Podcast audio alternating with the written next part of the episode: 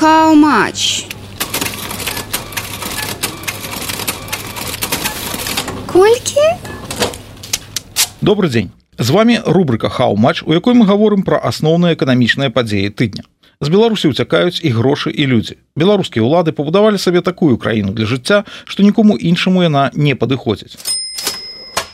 На гэтым тыдні мінгару канкам паведаміў што ў снежні ў беларусі закрылася прадстаўніцтва дацкай кампаніі нова нарадзіск На дадзены момант гэта самая дарагая фармацэўтычная кампанія ў Еўропе. Але ў беларусі яна сябе не бачыць. І гэта не першая замежная кампанія якая пайшла з беларусі. За мінулы год свой бізнес закрылі больш за 8 десяткаў буйных замежных кампаній.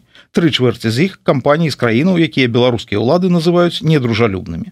Вось як падлумачыў бягучую сітуацыю з інвестыцыямі ў беларусі міністр эканомікі юрый чабатар. Если есть такие э, интересы у кого-то уходить с нашего рынка продать свою долю то эта компания должна в нашей стране продолжить свою успешную работу. Мы отрабатывали соответствующие механизмы, как заинтересовать, с одной стороны, остаться, работать в компании, с другой стороны, наши интересы республики учесть. Не ведаю, як з інтарэсамі рэспублікі, але мне чамусьці здаецца, што масавыя ўцёкі буйнога замежнага бізнесу гэтым інтарэсам не вельмі адпавядаюць. Але зацікавіць кампаніі, каб яны засталіся працаваць, дакладна не атрымліваецца. За мінулы год з беларусі сышлі такія гіганты як нокія вольва сіменс бат оракул і цыска не дапамагло нават патрабаванне заплаціць за сыход выкуп у 25соткаў ад кошту бізнесу. Плацяць і ўсё роўна сыходзяць.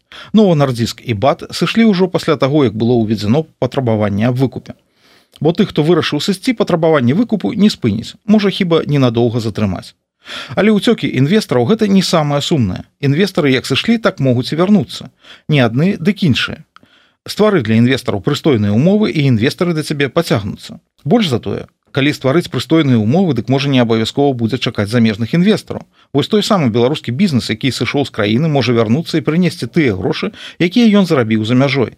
Але ніякі бізнес не вернецца ніякія інвестары не вернуцца калі вяртацца не будзе куды. Таму горшае што зараз адбываецца гэта не адток капіталаў. Горшае што людзі з краіны таксама бягуць Як паведаміў начальнік управлення по грамадзянству эміграцыі Алексей бягун но за 2021 22 год покинула территорию беларуси более 200 тысяч граждан. Прычым гаворка тут ідзе менавіта аб працаздольным насельніцтве. У 23 годзе у беларускай эканоміцы было занята ўсяго 4 мільёны 147 тысяч чалавек. 200 тысяч про якіх казаў прадстаўнік мус гэта амаль 5соткаў ад усіх занятых Але гэта калі прыняць лічбу 200 тысяч а выехала насамрэч значна больш людзей бо статыстыка якую прывёў прадстаўнік мус не поўная па-першая статыстыка ўлічвае толькі тых хто паспеў так ці інакш легалізавацца. По-другое яна зусім не ўлічвае людзей якія з'ехалі ў Росію і па-трэцяе 200 тысяч пра якія ішла гаворка гэта людзі якія выехалі з краіны ў 21 22 годах. 23 год у гэтай статыстыцы не ўлічваецца Таму лічба ў 350 тысяч чалавек, якую ў восень мінулого года называў Миколай Карпянкоў значна бліжэйшая да рэальнасці. То бок краіну пакінулі не 5, а хутчэй 8-9соткаў ад усіх занятых. І гэта насамрэч вельмі вялікая лічба.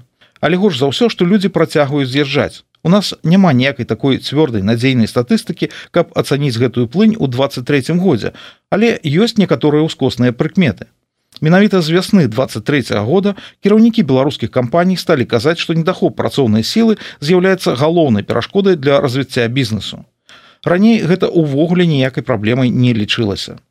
І не толькі для прыватнага бізнесу. Цудоўныя акцыі на дзяржаўных заводаў прывядзі з сабой сябра і атрымай прэмію, таксама з'явіліся толькі з мінулого года. Раней было роўна наадварот. Раней для дзяржаўных прамысловых гігантаў праблемай заўсёды была якраз празмерная колькасць працаўнікоў і ёсць яшчэ одна ускосная але асабістых для мяне самая важная прыкмета того что сітуацыя з ад'ездам людзей пагаршаецца что людзей з'язджае больш чым раней. Гэтая прыкмета гэта паводзіны беларускіх уладаў. Просто прыгадайце что казалі наши чыноўнікі раней. І наказалі вы тут не патрэбныя мы без вас абыдземся з'ехала пару тысяч чалавек ну і добра у нас ёсць каму працаваць ад'езд праціўнікаў лукашэнкі ім падаваўся падарункам лёсу лёгкім спосабам вырашыць і палітычныя і эканамічныя праблемы і зняць ціск на рынку працы. І глядзіце, як усё змянілася. Праблема недахопу працоўнай сілы абмяркоўваецца на самым высокім узроўні. Пра пару тысяч чалавек больш ніхто не гаворыць, бо эміграцыя набыла такі маштаб, што яна становіцца макраэканамічнай праблемай. З 23 -го года пачалася актыўная барацьба супраць адтоку людзей. Ідэя адбіраць дыпломы ў дактароў, якія не працуюць у беларускіх лякарнях, нядаўняя забарона рэкламаваць вучобу і працу за мяжой. І ўсе астатнія меры прыкладна такія ж шантаж пагрозы і гвалт. Не атрымоўваецца ў нашых уладаў прыдумаць нешта іншае Таму што насамрэч прапанаваць людзям няма чаго акрамя ідэі шануйце што маеце і не прасіце большага як красамоўна патлумачыў прапагандыст мікіта рачылоўскі тогда нужно начинать ценить то что у нас есть если не хотите что было как в Европе и как в Америке. здавалася б немагчыма аператыўна ацаніць эфектыўнасць працы па адпужванні беларускіх грамадзян ад замежжа бо няма ж ніякіх крытэрыяў.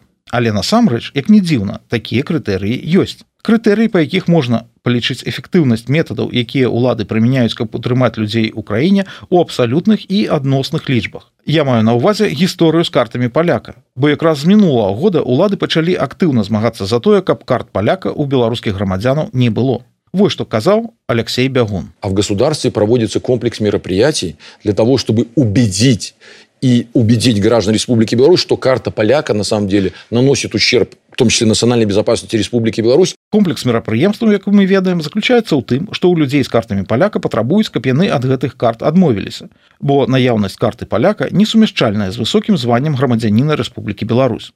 Патрабуюць адмовіцца часта пад пагрозай звальнення сур'ёзных санкцый паразы ў правах. Улады самі пра гэта гавораць і гэтага не саромеюцца. І які ж вынік гэтай тытанічнай працы? Пададзеных мус за паўгода ад карты паляка адмовілася каля 100 чалавек а агулам яе атрымалі 160 тысяч беларусаў. Гэта значыць эфектыўнасць атрымліваецца менш за одну десятую долі адсотка. У дзясяткі разоў ніжэй за ўзровень статыстычнай хібы. І гэта насамрэч і ёсць крытэр. Эфектыўнасць метадаў, якія ўлады прымяняюць, каб утрымаць людзей у краіне, знаходзіцца ніжэй за ўзровень статыстычнай хібы. Таму у новай канцэпцыі міграцыйнай палітыкі ўлады вырашылі зрабіць стаўку на імпартазамяшчэння у сэнсе імпорта замясціць няўдзячных беларусаў удзячнымі мігрантамі. Мігрантаў хочуць прыцягваць спрашчэннем працаўладкавання, стварэннем умоў для іх адаптацыі ў грамадстве, тлумачальнай працы для стымулявання іх пераезду ў краіну. І што асабліва кранальна падтрымкай уязнога турызму. Ідэя, мабыць, у тым, што мігрант прыедзе ў краіну, паглядзіць, як тут добра і абавязкова захоча застацца. Праўда, пакуль праграма імпартазамяшчэння беларусаў працуе кепска як усе астатнія праграмы імпартазамяшчэння. Баланс паміж міграцыяй замежнікаў у Беларусь і з Беларусі застаецца адмоўным. Калі ў 18 годзе ў Беларусі жыло больш за 230 тысяч замежнікаў, якія маюць сталы ці часовы дазвол на знаходжання, дык да сярэдзіны мінулого года іх стала 210 тысяч. Такую ўжо краіну пабудавалі беларускія ўлады сабе для жыцця, што нікому іншаму яна не падыходзіць. Ні беларусам, ні замежнікам. Усе бягуць. На гэтым усё з вами была рубрика хау-матч усяго добрага і пачуемся на наступным тыдні.